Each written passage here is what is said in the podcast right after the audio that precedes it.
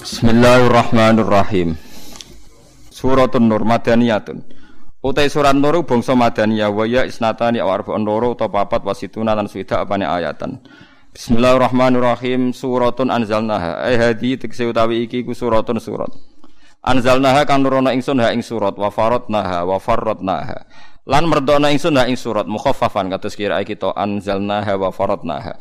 Wa musyaddatan lan khalidin tasdid. Suratun anzalnaha wa farradnaha. Nak kita macane ngene apa wa faradnaha. Likas rotil mafrudi krana ake barang sing difardokno fiha fiha di surat. Wa anzalna lan rono ingsun fiha ing dalam surat ayat ing pira-pira ayat bayinatin kang jelas wadihatid dilalati utawa wadihatid dalalati kang jelas pertunjukane utawa jelas oleh ngekeki nunjukno. La'alakum nono sira kabeh tadzakaruna iku untuk petuduh sira kabeh. Utawa iso eling sira kabeh bi mita lan itu mita asaniyati kang kaping pindho fidzali ing dalan ing dalem dal. Tata iduna tegese nampa nasihat sira kabeh. Azaniyatu te wong wedok sing zina wa zani lan wong lanang sing zina ghairul muhsanaini kang ora berkeluarga kabeh. Li rasmihima krana karajame muhsanaini bisunati lan sunai nabi. Wa al te al fima ing dalam perkara zikra kang disebut apa ma mausulatun al mausula wa wa tidau azaniyatu mubtada'un mubtada'. Wali sibihi lan krana serupane mubtada bisarti lan syarat dakhulat manjing apa alfa ufa fi khabari ing dalam khabari mubtada. Wa wa te khabari ku faslidu kula wahidin.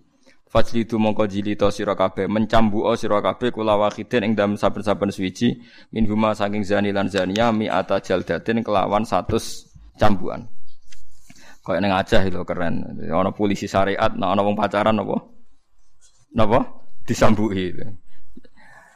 Eh dorbatin tegese pirang piwulan mau?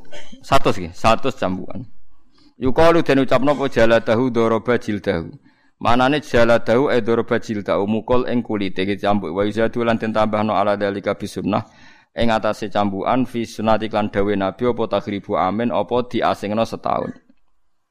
Jadi selain dicambuk diasingkan pinten setahun ora oleh kumpul ning komunitasnya. La warofiki warokiku te budak iku ala nasfi ing atase separo, ala nisfi ing atase separo min dalika saking mimma saking perkara dikira kang disebut apa ma. Nggih karuan nggih. Napa wis niku sami-sami nase Quran pancen nak budak nggih namung napa separo. Wala takut lan aja ngalap, aja kampek mekenani kum ing sira kabeh bima lan zani lan zania apa fatun krasa saake. Fi dinillah ing dalem agamane Allah.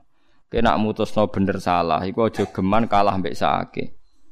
Biasanya nabi wong sugih sungkan, nabi wong melarat sakit lah. Bener mbek salah. Iku mereka wong zina iku jumlahe padha.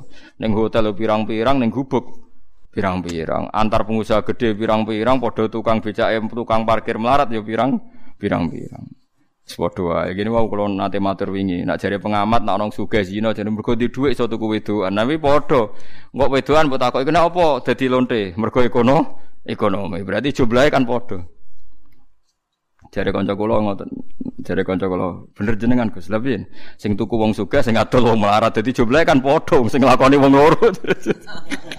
Lah kok pinter ngamati. Sementing ora mbok lakon yo ora Gus iku nerusno teorine jenengan malah mbok amuk. Dadi Ndak intinya padha. Selama ini orang kan ngira kalau orang zina itu orang kaya iso tuku wedokan. Nah misalnya wedokane melarat Berarti larang be, melarat be sugih padha kan jumlahe. Lah sing zina kan wong loro, sing sitok tuku sugih sing dituku melarat. Berarti jumlahnya kan podo. Lah iya mulane jare dawuh Allah aja geman kesakake. Mergo ya padha wae kan napa-napa? Padha wae. Dadi potensine padha. Wong melarat yang ngentekno donya kowe jajal ya rabi wong melarat. Kok kowe nulung ponakane adike sing sik meler-meler yo entek akeh. Dadi jajal kira rabi wong sugih, nuruti selera geng sini. Yo entek akeh. Mulane padha wae asine donya napa angen-angen. Kira rabi wong melarat. kepengen nulung adike papa cilik-cilik meler-meler kowe ngrumat IP-mu ya kesel duwe ngrumat wong tuane lara ya duwe saiki ra bung sugih mapan. Ngimbangi pakaiane duwe akhirnya ke pambenan pantas duwe sama nanti biayanya mbok itu. Gitu nggih kan ada dimantu ning sugih. Kan isin sarongan elek isin kambenan elek isin kok ngimbangi gaya hidupnya nggih? Larang kan? Lah kowe rabi melarat. Gue biayai beras ya tapi ora gaya hidup ya napa? Tapi intinya sama, mulane wala takhudkum bima rafatun napa? Fidinillah. Dalam hal maksiat juga sama, polanya juga sama. Jumlahnya juga imbang. Ayo koruptor iku wong sugih-sugih cek korupsi, nyolong duit negara. Wadah kan? Wong melarat sing tukang nyopet. Kok mbok jumlah terus padha. Misalnya sing dikorupsi wong sugih-sugih jumlahe piro, mbek sing dicopet wong sak Indonesia. Misalnya tiap satu kota itu misalnya satu hari pencopetan 3 juta kali kota sak Indonesia kali piro kok jumlahe mbek sing dikorupsi ya. Padha. Soalnya walhasil dunia aku podo. Ke suge melarat nak nih gue keadilannya Allah Subhanahu Wa Taala nopo podo polane podo. Lagi gue jogeman kue ngukumi kalah mbek nopo sake hukume lho guys tapi nak ambek tiange kita tetap sake tapi nak hukume ora oleh kalah mbek nopo sake wala takhudkum bima rafatun fi dinillah eh hukmu tekse hukume Allah bi antatruku gambar untuk ninggal sira kabeh yang perkara bin khatima saking ngekhat zani lan zaniyah Ing kuntum lamun ana sira kabeh tuk minuna iku iman sira kabeh billahi lan Allah wal yaumil akhir lan dina akhir yaumil ba'si dikese dina ba'as. Wa fi hadalan iku ing dalam iki takhridun. Utawi ndorong alama ing atase perkara koblas sarti kang sepiringi syarat rupane aja geman sakake wong. Wa huwa utawi iki maka sarti jawabu dadi jawabe syarat audal untuk nunjukno ala jawabi ing atase jawabe syarat. Wal yasat lan nyakseni yo ada ing siksane zani lan zaniyah il jilda tegese nyiseni ing jilid sapa taifatun sekelompok kudu di depan umum minal mukminin sange pira-pira mukmin. Dadi ini bener kados sing teng Aceh, teng Arab ku seneng. Dadi nek ana khat iku harus di depan apa umum supaya ana seksine nek swidak swidak pas nek satu satu pas. Aja kok imame dendam ditutuki ning kamar sing roh. Lah kok misale ape jilid sing wedok dekne rodok seneng ra sida dijilid malah selingkuh dhewe ya repot to. Dadi kudu di depan apa? umum. Ya depan umum kan misalnya ana wong demenan kecekel ruhin, ruhin terus mendingin aku imam sing jilid sing wedok aku. Dijak ning kamar, ayo repot to. Dadi kudu napa? Di depan umum. Ora oleh sake. Sake cah wedok mosok ditutuki ya ora iso. Pokoke wala takhudkum bihima napa? Rafatun fi dinillah. Terus riyen zaman Nabi niku nggih Kanjeng Nabi nggih pusing tenan ngadepi tiyang salah zina sing tiyang kures Yahudi Nasrani sugih ge bolak-balik. Maksudnya ana sing diadili. Nyongkone sahabat terus wong mapan sing zina, gang sedelok ana laporan. Wong lanang dadi buruh zinani wedok majikane. Lho kere saiki lho. Dadi mulai dhisik ku ya polane padha. Gentenan terus. Terus zaman Kanjeng Nabi Umar ana wong nyolong wong sugih, nyolonge ya akeh. Lho Umar iku menangi. Nyolong muk sithik. Apa dihukum jari nyolongi gue mangan. Tapi bareng dihitung Umar sak dhuwure rubu dinar. Lanjut sono pelaturan nyolong niku angger sak dhuwure seperempat dinar niku pun kena hukum. Berarti pinten sak dinare 4 gram berapa? Berarti nak separuh seperempat dinar satu nopo gram. Saya nak gerak gambar telung atau sewu pokoknya nyolong telung atau sewu. Mereka nak nyolong mangan kan rompulai ewu kan marung muntah biro Nak telung atau wis selera gitu. Lho nggih to nggih. Lah iya nak nyolong 20.000 muni nggo marung kan nggo mangan. Lah nek 300.000. Mumpun selera, mumpun sedengan pokoke kadar minimal nyolong sing kena hukum pinten? Kayak kinten-kinten tolong atas saya. Pokoknya rubu dinar, seperempat dinar. Sak dinar itu 4,4 nopo gram. Berarti nak seperempatnya gih 1,1 pokoknya sak gih itu kerusnya segitu. Ya tapi kudu ana seksi, kudu macam-macam. Ya kudu negara Islam ku nang wong ketoki kabeh niku mboten saged nak mboten waliul amri ora oleh mengeksekusi. Kadang-kadang kita ini dianggap nggak bener karena ndak berani ngeksekusi wong nyolong keliru. Misalnya kiai santrine nyolong tetep ora oleh ngetok. Ngetok iku kudu pejabat negara, pemerintah. Kalau pemerintahnya ada Islam ya tetep ora iso ngetok. Mergo riyen zaman sahabat iku ora ana ceritane wong maling terus diketok dhewe, mesti dilaporo Kanjeng Nabi. Iku kanjeng Nabi berkali-kali mengo, ndak siap. Mulane kula critani iki kula nate ngaji teng mriki sore-sore teng kitab Hayatus Sahabat ada sahabat nyolong dilaporo Nabi. Nabi kelihatan tersinggung. Ketika tersinggung kelihatan susah sahabat-sahabat tanya, "Ya Rasulullah batalkan saja khatnya daripada engkau kelihatan tersiksa." Jawab Nabi Fakih fala ahzan wa kuntum a'wanu syayatin. Aku rasa susah piye kowe balani setan. Ya kalau balani setan Kira usah dikhat ya Rasulullah. Udah bisa. Saya ini imam. Kalau ada kasus harus dihukum. Kalau ada kasus kriminal harus nopo dihukum. Terus yang duwe-duwe lapor. Ya Rasulullah yang punya uang itu saya. Saya sudah ridho pada dia. Jadi Nabi tidak bisa. Kalau sudah kandung dilaporkan harus dihukumi. Terus ngendikan Nabi, "Halla qabla an rafa'tumuni ilayya." Mbok yo sepuro sedurunge dilaporno aku. Berarti andai kan belum dilaporkan dan dimaafkan oleh yang punya itu selesai. Artinya harus pakai imam. Nyatanya ada dalam sejarah sahabat main hakim nopo sen sendiri. Saya udah sok pinter kabeh karo pepe ditangani di. Ora ono sahabat lah riyen anggere ono kriminal nggih dilapor. Nabi mawon nak ono wong zina lapure lucu. Nabi ku ya lucu, itu ya seni tenan. Mais iku ngaku zina. Ya Rasulullah tahirni kula niki bar zina. Jare Nabi, engko yo nang ngipi is. Mboten tenan nih. Sampai empat kali. Empat kali terakhir lucu Nabi. Mais kon mulai. Angger tanggane Mais ditakoki. Afi aklihi seun. Mais jek waras. Nggih waras. afi aklihi se engko nang cah iku ngaku zina perkara wis gak napa jadi artinya suatu saat kok mais ngaku edan tapi edan ngaku ya lucu ya iku selesai gak situ Mulane saya Idina Ali ku nate ana wong ngaku maling. Habis Idina Ali pe dihukum, bareng pe dihukum. Ora sampe aku beda jenengan tok. Kula mboten nate maling nate zina. Itu dibebasno. Bareng dibebasno ana wong sing ngritik Ali, Ali ku piye sampe ngukum ora sida. Lah aku pengen ngukumi dekne maling zina jare omongane dekne. Berarti aku ngandel omongane dekne. Lah saiki dekne batal lo ya tandel meneh. Jare ali penak ae. Padha ra roe ngomong ya tandel, saiki ditarik. Ya tandel jare. Ya penak sih jare. Dadi riyen niku biasa. Lah saiki wong do kharit, senengane iku ngadili. Padahal ndekne dhewe salah tetep ae kepingine ra konangan. Mulane ngendikane Kanjeng Nabi ini apal lho, kula cek apal hadise.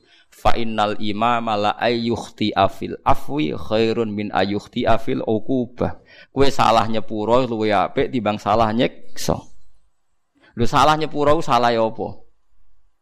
Misale wong bener-bener maling mbok sepuro rugi mau apa? Bener-bener salah mbok sepuro rugi mau apa? Imam lebih baik salah dalam memberi ampunan ketimbang salah dalam memberi hukum hukuman. Jadi fa innal imama la ayyukhti afil afwi khairun min ayyukhti afil ukuba. Jadi gak apa-apa misalnya mau caiku kok maling tenan atau salah tenan Sayyidina Ali bebasnya ya ora apa-apa. Salah nyepuro keliru gak apa-apa. Tapi nak salah ngukum ora tapi darani napa? Iya, iku luweh napa, Pak? Parah.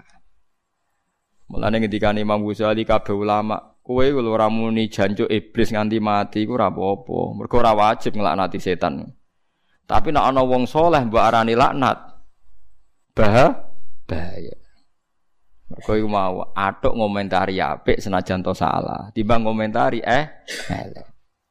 Paham gitu dieling-eling itu terus hukum-hukum ngeten iki tetep kudu sing lakoni imam. Ojo kok lakoni dhewe mergi Buatan enten sejarahnya sahabat melihat kesalahan kecuali dilapor kanjeng Nabi Muhammad Shallallahu Alaihi Wasallam. Iku ebek Nabi di ngel ngel. Sampai darah ni mais kok kue nangi pitok, kok kue nang ngambung tok is buatan. Kok kue nang ini tok. Terakhir terakhir ebek Nabi kon mulai tanggane ditakoi. Mais iku waras tau ora? Ya waras ya Rasulullah. Agar takok ini. Mais iku waras tau ora? Ya waras. Cara kula zaman iku kok dadi tanggane mak istajab mboten waras ya Rasulullah kerus ben bebas napa. Dadi umpama harus dijawab ra waras nggih mak is napa? Bebas. Eling-eling wala takhudkum bima rafatun fi dinillah. Tapi syaratnya mal napa wal yasyad adzabahuma taifatum minal mu'minin. Ini justru menjadi bukti kalau ada sistem buktinya hukumannya harus disaksikan orang banyak dan itu artinya negara. Kila den ucapno salah satu seksi ku telu wakila arbaatun papat yaiku ada di zina padha mek seksine zina. Azani utawa wong sing zina iku layang kihu iku ora nikah utawa ora ngawini sapa zani ya tazawwaju tegese ora nikahi sapa zani ila zaniatan kecuali wong wedok sing tukang zina wa zaniatu te tukang zina wedok layang kihu ora nikah ing zania sapa ila zanin kecuali wong larang zina musyrikun utawa wong musyrik. Jadi biasanya wong nakal untuk wong nakal, wong apik untuk wong apik, tapi biasa nih. Ail munasibu tegese sing seimbang likul min huma ya mau dikira maksudnya wong apik untuk wong apik, wong elek untuk elek iku sing, sing munasabah ngono. Tapi nak takdir ya ora ora. Nak takdir ya apa? Ora ora. Niki maksude adate ngoten, tapi nak takdir ya akeh wae wong apik entuk wong elek, wong elek entuk wong apik. Wong takdir napa? Takdir. Wong niku niku wonten asbabin nuzule. Pok ayat iki aja lebokno ati. Ayat iki ana asbabin nuzule. Ngeten lho critane. Ana sahabat soleh melarat. Saking rabetae melarat dekne duwe demenan zaman padha jahiliyah. Nggih eling-eling ini asbabin nuzule aja salah paham. Ayat iki mergo sering dienggo dalil wong elek entuk wong elek, wong apik entuk wong apik. Ayat iki artine ngeten lho. Ana sahabat soleh lanang. Ganteng. Mau kula baleni malih sahabat marat ganteng. Lari yen iku duwe demenan zaman jahiliyah. Bareng ning non Nabi Medina melarate ra berakhir-berakhir. Ya kok konsisten maksudnya iku melarate Nganti tahun ke-8 iku jek melarat. Kanca-kancane wis sugih ndekne jek napa? Melarat. Padahal liya-liyane dibuka pangeran sugih.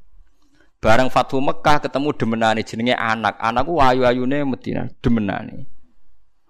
Sesuai dirayu menar ganteng kan, ganteng. Boke rabi aku gak melarat teman-teman.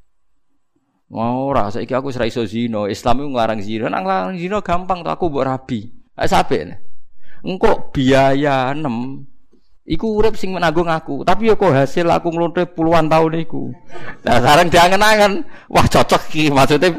Dekne iku pikirane sahabat biasane Nabi ku nek wis Islam iku sape, apa-apa ora apa-apa. Lah akhirnya matur Nabi ya Rasulullah, kula niku riyen nak seneng anak. Lah sakniki niku pun purun tak kawin, mboten demenan ya Rasulullah niki kawin.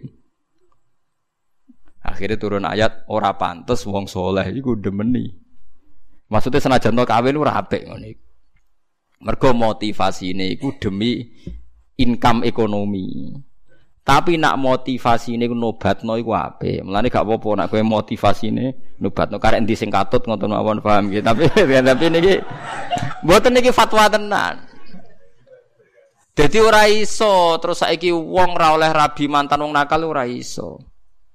Mergo ayat iki turune porsine kepingine iku ya bolak-balik wong mergo wong saleh iku dipek nakale dhewe dadi hasil lonte masa lalu kon biayai ndekne ora iso. Lha iku asal usule asbab nuzule ngoten.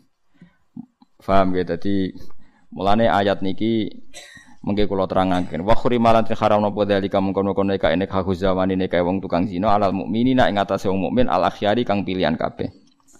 Ini kurung ono tenan gitu. Nazala tumurun podalika mengkono-kono dawuh lama hamma semangsane niat hamma itu niat kados faman hamma bi hasanatin.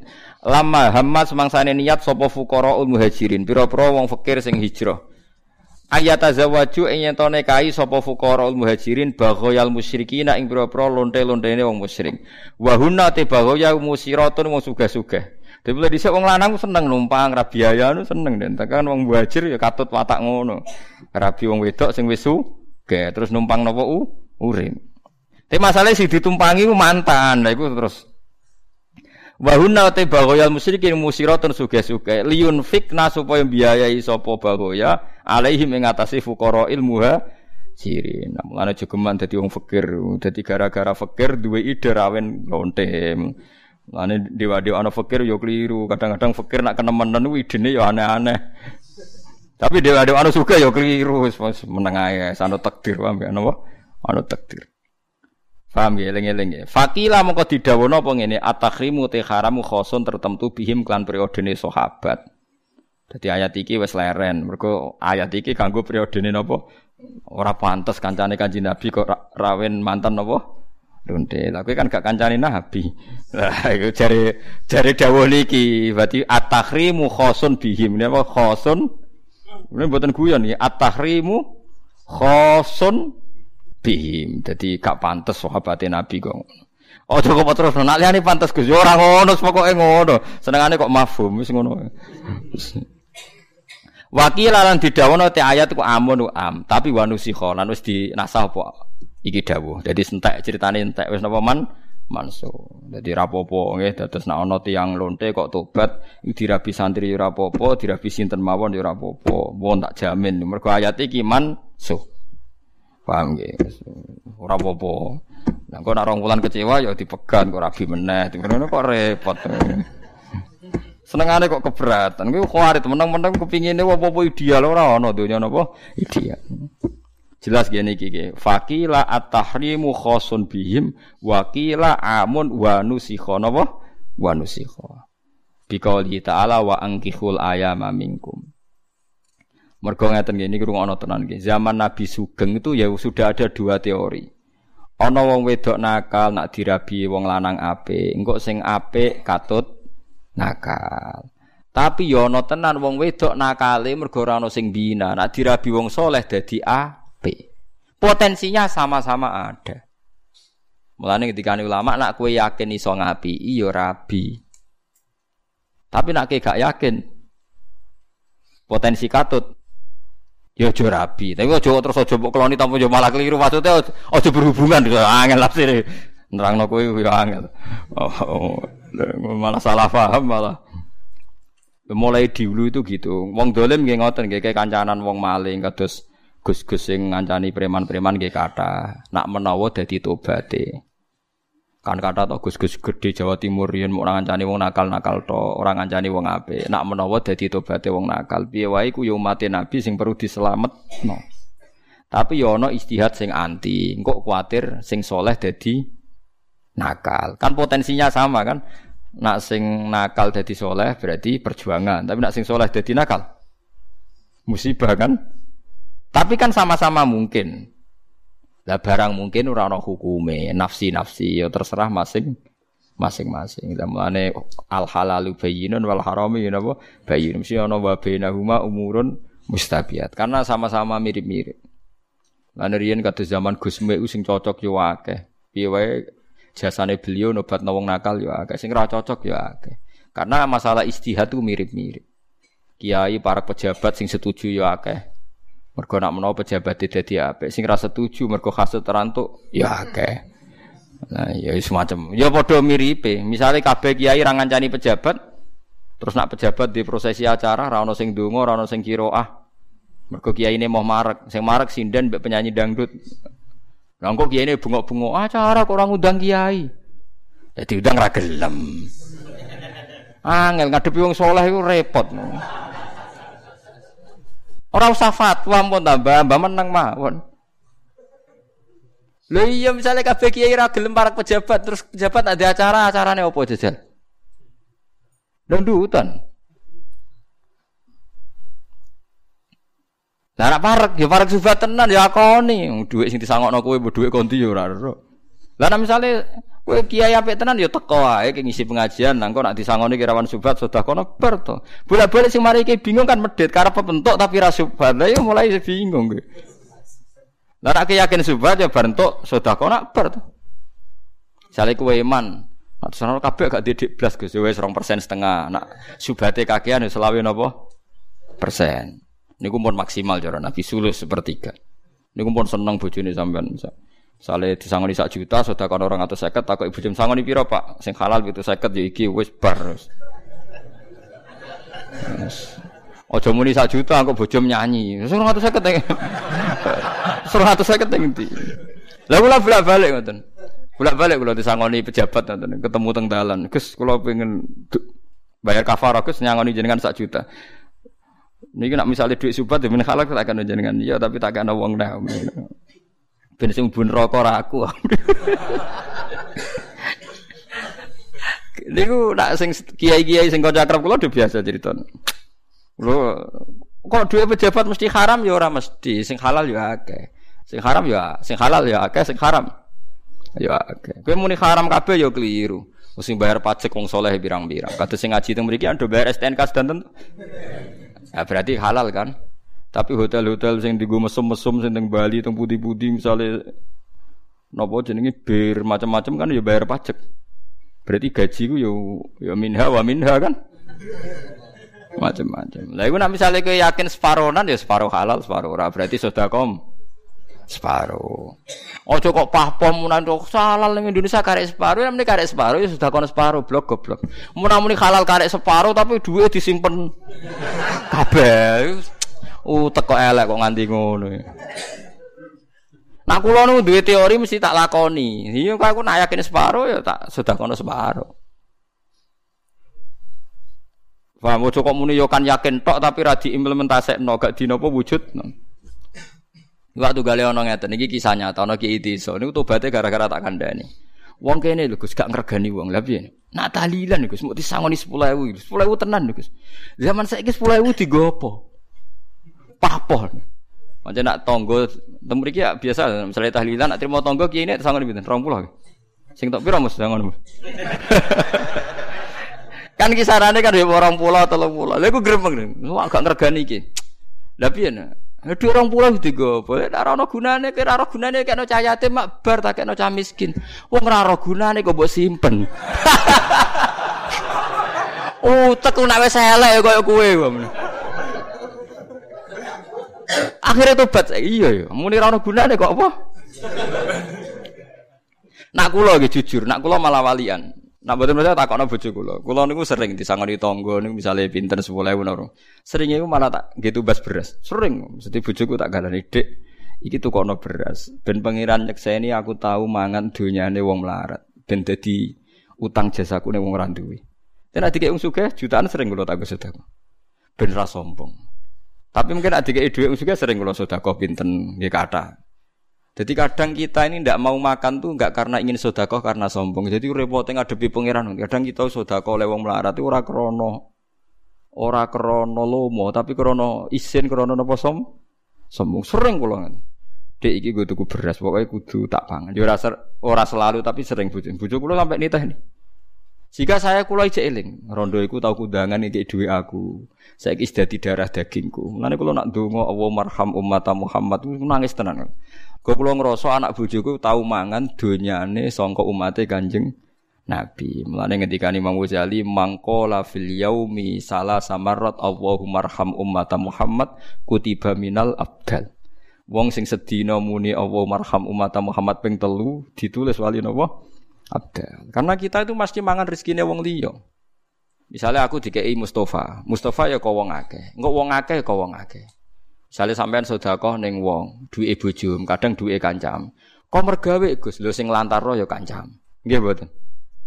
Lho nggih to, misale kok mergawemu, kowe entuk pekerjaan sing lantarno sapa? Kanca.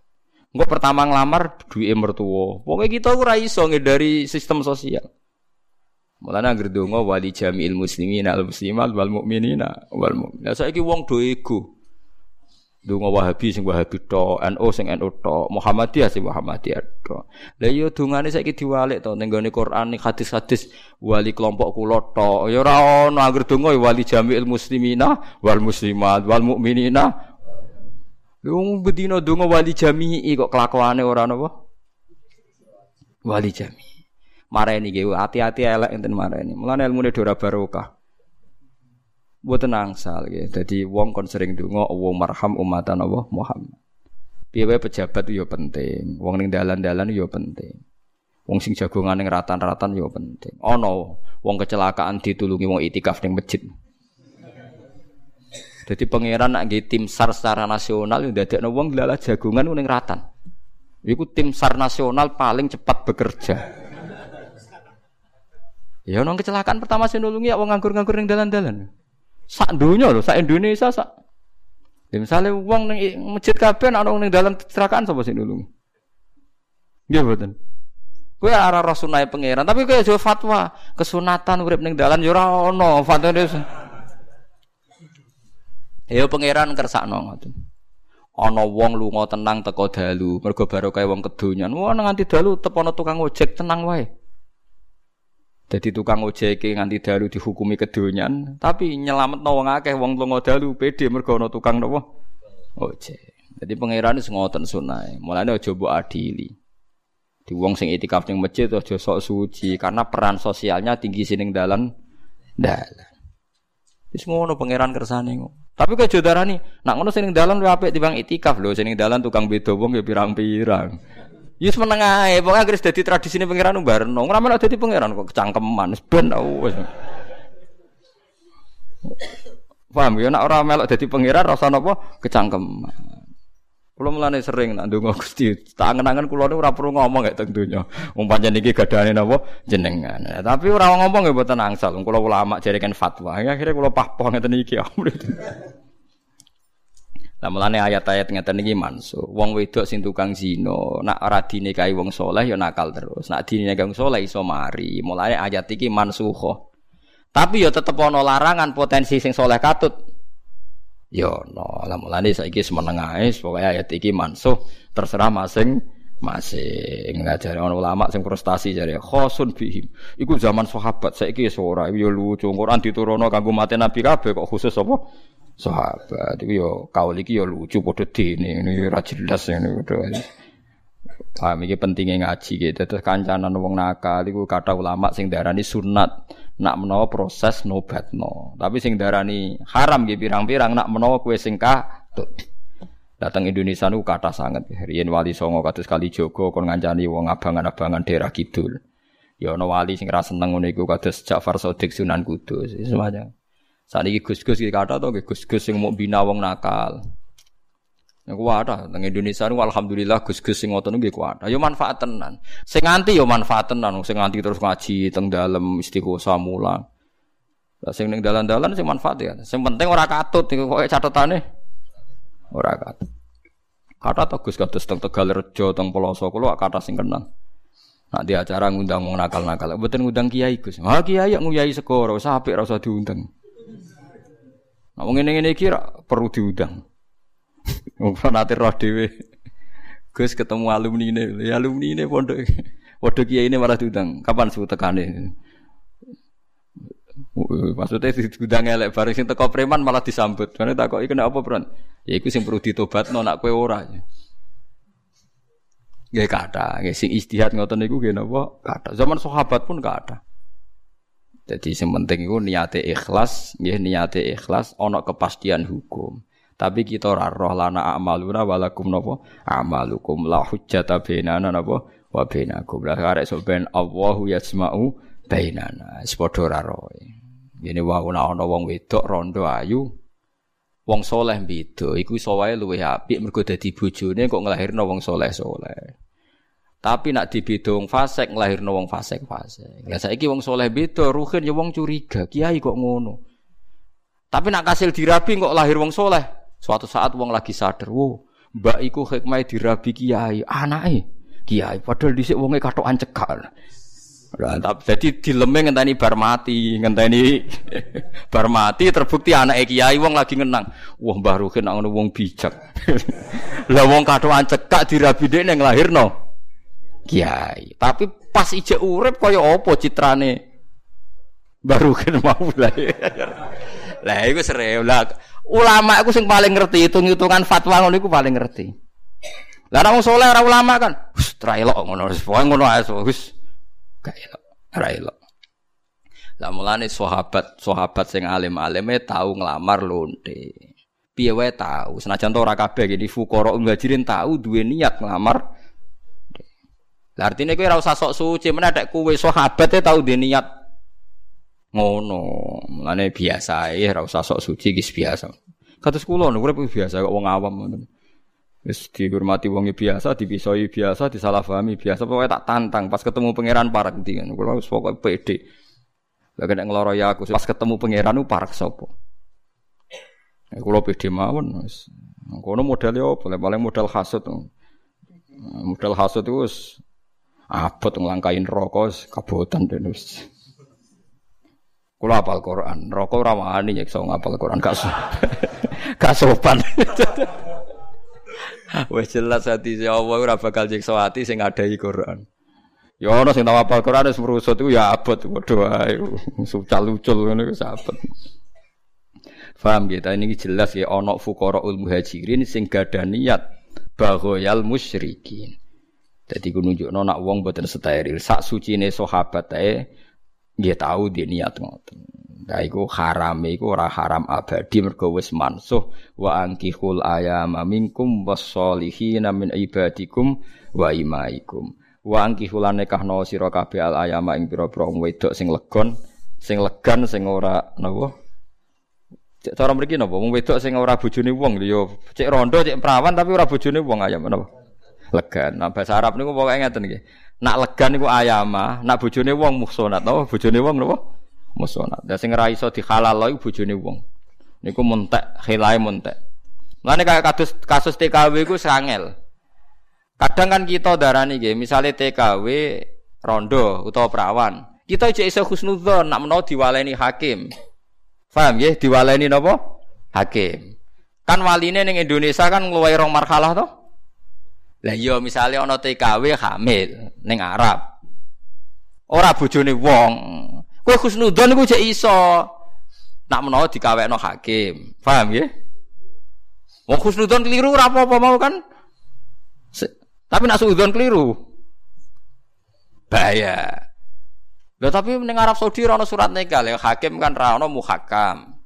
Misalnya naib ragilem kiai, gak ono hakim kan cara fikih napa muhakam. Tapi masalahnya seringnya bojone wong. Ning Indonesia iki lho di bojo. Yo ora pegatan. Lah iku angel halale. Paham sih kalau maksud? Lah iku nak iku binasil Quran ra oleh kan wal muhsanatu minan nisa. Dadi sing diharamno iku kan pitu nasab. Nggih sing pitu nasab ketambahan sitok bojone Wong sing pitu nasab kan jelas hurrimas alikum ummahatukum wa tukum wa akhwa tukum wa amma tukum wa tukum wa banatul akhi wa banatul ukhti. Mun niku sing krana nasab. Terus ketambahan nasab birodok. Nggih. Terusane ayat terus-terus wa akhwatukum minar rodoah. Terus terakhir wal muhsanatu minan nisa. Bojone Wong, wis ora iso kan. ora iso. Oh, ora iso ora ana peluange. Wis mbok kelah-kelah ora ono. Ruhin agak diterangno tok ora apa-apa. Dadi Mulane nak rondo, kowe beda iku jek ana kemungkinan nak niat rabi tenan, iku berarti nazar lil khitbah. Tapi nek bojone wong wis tutup rapet wis. Tak wis Kecuali sing lanang mbok provokasi ben megat. Lah wis ra res pokoke nak bojone wong wis entek cara cerita. Mergo sak deretan ambek haram bin nasab. Mulane ulama ana sing nyayangno kene apa ulama sunatum nasa kok awal juz 5 iku akeh sing nyesal. Perkara niku sak paket ambek akhir juz papan. Mulane kadang awal juz sing paling repot iki awal juz 5 mergo wal muhsanatu minan nisa iku ataf ning khurimas alaikum ummahatukum wa banatukum terus wa akhwatukum terus wal muhsanatu minan nisa. Jadi iku ora iso ditaun. Mulane kula ngerti takoki tiang-tiang Lho tapi TKB kan iku lho Gusti Walini hakim walini hakim mbam ana bojone kok ana mbale. Ya diwalini ning kono dinikah ora ana carane kan ana bojone ning Indonesia kan gak ana carane. Lah nek rondo cek ah, gampang carane gitu nggih. Sahid loro supir taksi celuk mbek tukang babu celuk, sahid loro hakim muhakam mbok kono lah pokoke wong waline wis ngelangkai beberapa nopo mar alam. Mulane ngendikane Nabi wis paling angel iku ngurusi bojone wong. Mulane ngendikane Nabi dosa paling gedhe ku apa? Antuzania halilata jarik zina bojone wong. Aja kok terus nak ngono, nak sira bojone wong ora apa-apa tapi Cara neraka ya nak zina bojone wong sap pitu. Tapi nak zina ora bojone wong sap telu. Ora enem ngono sama. Pokoknya tetep beda beda kelas. Mulane kasus TKW sing ranguwati iku masalahe bojone wong. Nah, saya yang paling menyesal sekali, sangat-sangat menyesal katanya sebagian PJTKI yang nakal itu bahkan menerbitkan surat talak. Jadi kadang wong Arab-Arab sing wedi zina itu nggak mau punya TKW yang istrinya orang. Bergodeknya mungkin sedih kepentingan apa dirabi. Nah, kadang sing nakal itu sampai mensyaratkan nak bojone wong di surat nopo talak. Utawa ngaku gak bojone wong. Wah ya musibah tenan ya musibah. Kulo kan berkali-kali nggih penelitian nggih berkali-kali wawancara nggih musibah tenan niku. Ya gara-gara hubud dunia cara kula kuncine hubud dunia. Munggo cawe wedok ora seneng dhuwit kan gak perlu ngalami gitu kan. Ya ana gara-gara ora ora bener sing lanang kan baru kae sing lanang ora bener kan akibatnya sing wedok. Wis pokoke kompleks masalah wis kompleks. Wis mun niku ora usah dijerok-jerokno tapi kita ngerti Ojo sampai ulama tidak menjelaskan. Nggih sing pokoke nak bangsa wal muhsanatu minan nisa iku gak ono khilai, nggih gak ono napa? Khilai. Waladina te wong akeh yarmuna kang nuduh sapa ladina al muhsanati ing pira-pira wadon sing muhson, sing wiki. Al afifati tegese sing wiki, wiki niku perilaku sing menjauhkan dari kemaksiatan. Wong sing adoh sangka dosa kok dituduh bizina kelawan zina. Semalam yaktu mengkono li ora kana sapa wong akeh bi arbati syuhada aklan seksi papat ala zina guna ing atase zinane muhsanat biru yatihim klan roh langsung. Fajliduhum. Mongko jilita sira kabeh hum ing sing nuduh ai kul wahidin ing saben-saben suci minhum saking kabeh tamani nak ing 80 apane jaldatan jilite. Dadi wong nuduh wong zina tanpa seksi papat iku kudu dijilid ping 80 dadi salah tuduh ku repot Padahal riyen sahabat ya do bantah mbek Kanjeng Nabi. Riyen iki kata sing bantah, "Ya Rasulullah, kula niku roh bojo kula dikeloni wong." Lah niku cara jenengan sepunti, yo ora kudu tak jilid ping 80 wong kowe nuduh. Kudu sesi papat. Nah kula golek liyane sedeng bar ya Rasulullah iku riyen. Nabi riyen zaman sugeng ya sempat dibantah. Nak kula golek seksi tambahan sedeng bar. Ora, pokoke anggere gak papat kowe tak jilid. Perkarane kayak kodaf. Jadi ku nunjuk nona hukum rajam sing ekstrim kemungkinan terjadi itu kecil. Kalau video itu bisa direkayasa kan. Saksi papat kudu roh kabeh bareng. Kangelan kan? Kangelan. Iku nunjuk nona pangeran iku ora kepengin ana wong dihukum rajam. Mergo saksi kok papat roh langsung. Lah sing main tuduh diancam nak ra saksi papat. Malah sing ditutuki ping? Orang puluh. Lah yo. Dadi asline mulane wong barat kadang keliru ngamati hukum rajam tuh ekstrim. Lah tekan wong Islam yo ora iso jelasno. Lah iki tak iki tak jelasno. Ekstrim piye wong akeh-akeh ra kasil. Hukum rajam akeh-akeh kasil to ora? Ora kasil kan karena butuh seksi pinten? Papat. Padahal sing nginceng pertama kan sitok. Kudu papat bareng. Lah misalnya bolongan di nginceng sitok ora ora sitok sitok kudu bareng loh. Paham gak? Loh, nak misalnya digrebek wis dicoplok syaratnya kudu roh pas ning jero. Ayo Lho nggih teng kitab-kitab kan ngoten kan? Nak sekedar roh numpang kok ora roh mlebune tetep boten sah. Pokoke seksine kudu roh. Kama yadkhulul ismit fil kahli. Pokoke koyo napa kono ane celak mlebu ning adae celak. Kudu roh langsung. Piye iki? Pokoke akhire ra sida ra sida men. Lu ini tenang. Faham ya? Intinya hukum rajam itu bener ekstrim, tapi akhirnya raka hasil lah. Pokoknya intinya itu. Gue tuh mau nengarap no hukum rajam, baik negara Islam lah. Ora iso. Lah misalnya saya ini gambar no, nak nginceng mesti bolongannya sitok. Berarti gentenan kan. Padahal syaratnya roh bareng. Nak digerbek wes coplok kudu roh pas ya yo. Ora iso, tetep ora iso. Kena itu. Ora iso.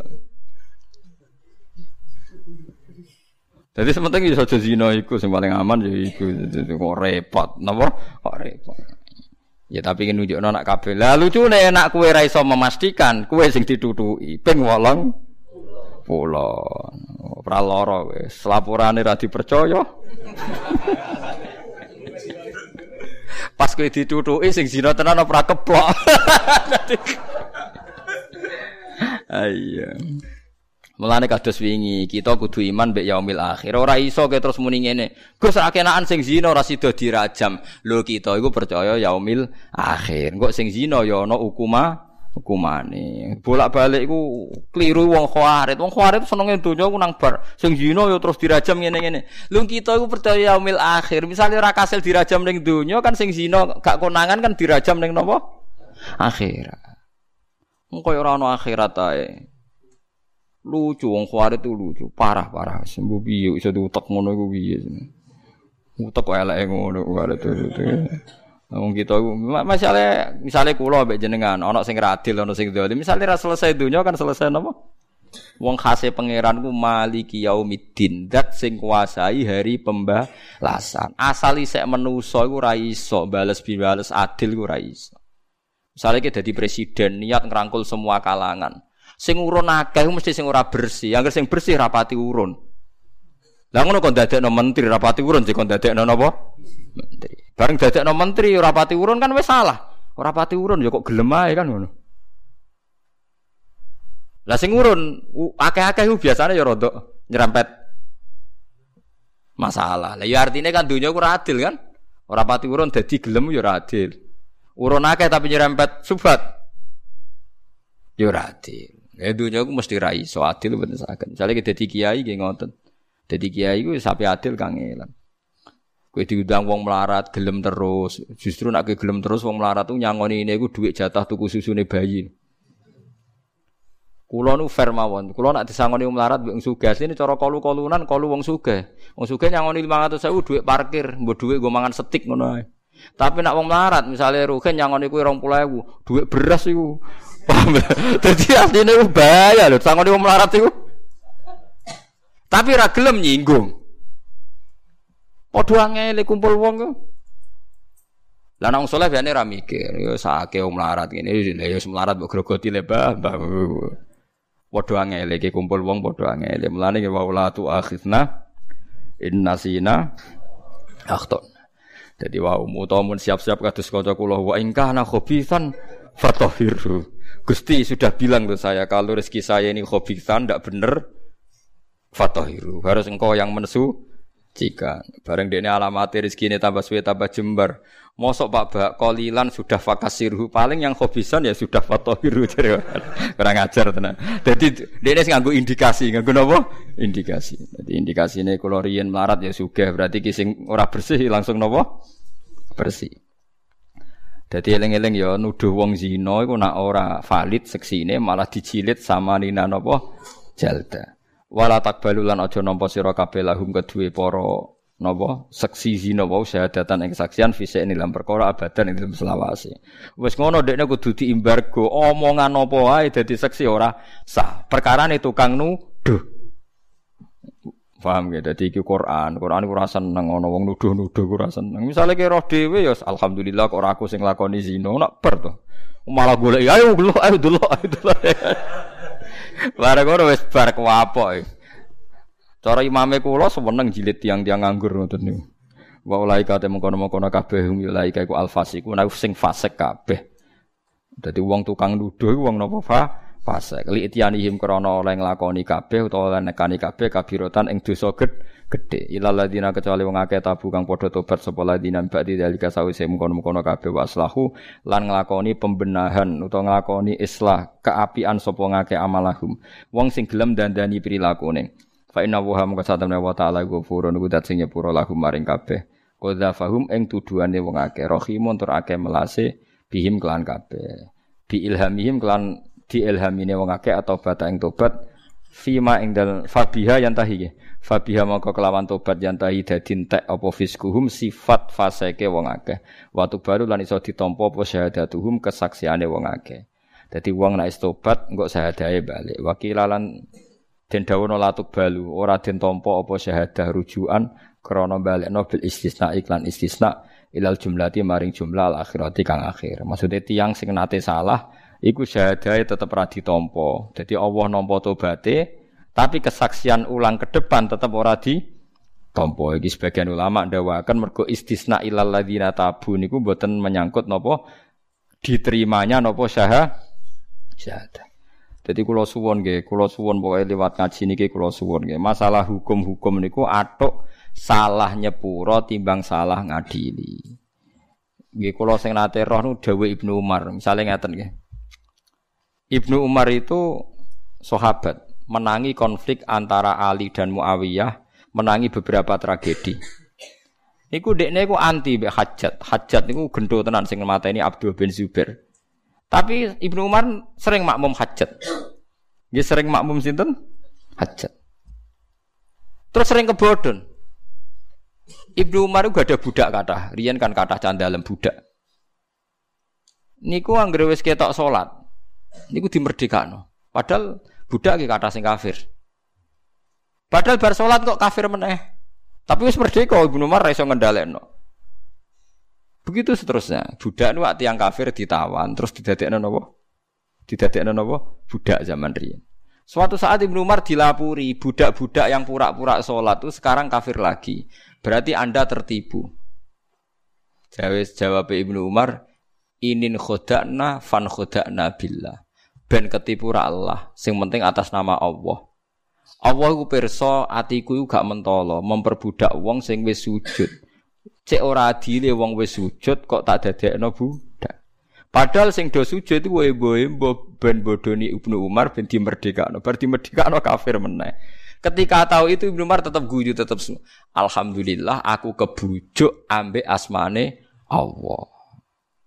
Artinya kan atas nama Allah mereka pura-pura sujud. Berarti Ibnu Umar kebujuke krana Allah tak krana budak iku. Krana Allah. Lah iku sirine niki penting kula terangaken. Sirine kena apa Nabi Adam berdosa kok langsung diangkat dadi kekasih pangeran. Summa jitabahu rabbuhu fataba alaihi wahda. Nabi Adam ku salah mangan wit khuldi. Nabi Adam ku salah mangan wit napa? Khuldi. Tapi bar salah ning bumi langsung diangkat dadi nabi. Iku ulama sirine apa? Akhirnya Nabi Adam ditakoki pangeran Adam, kowe wis tak kandhani aja mangan wit khuldi kok tetep mangan piye? Mergi iblis niku sumpah. Nggih napa sumpah? Sumpah wawahi ini laminan nasihin. Aku iku ngandani kuwe. Muni wawahi. Fawawa ya Rabbi ma adzunnu anna ahadan min khalqika qasama bika summa yakdzib. Kula nu mboten nate nyangka tiyang sinten mawon teng donya sing wani ngangge asmane jenengan kemudian dia bohong. Jadi intinya Nabi Adam percaya iblis mergo iblis muni wawahi. Akhirnya Allah haru. Eh jebule ke kebodohan wedi asmaku. Berarti ketipune Adam itu ora krana godaane iblis tapi krana nama besare Allah. Mulane sirine summa jitabahu rabbuhu fataba alaihi wa hada. Mergo in khoda'na billah. Umpama kita ketipu, ketipu be asmane Allah. Mpun gitu.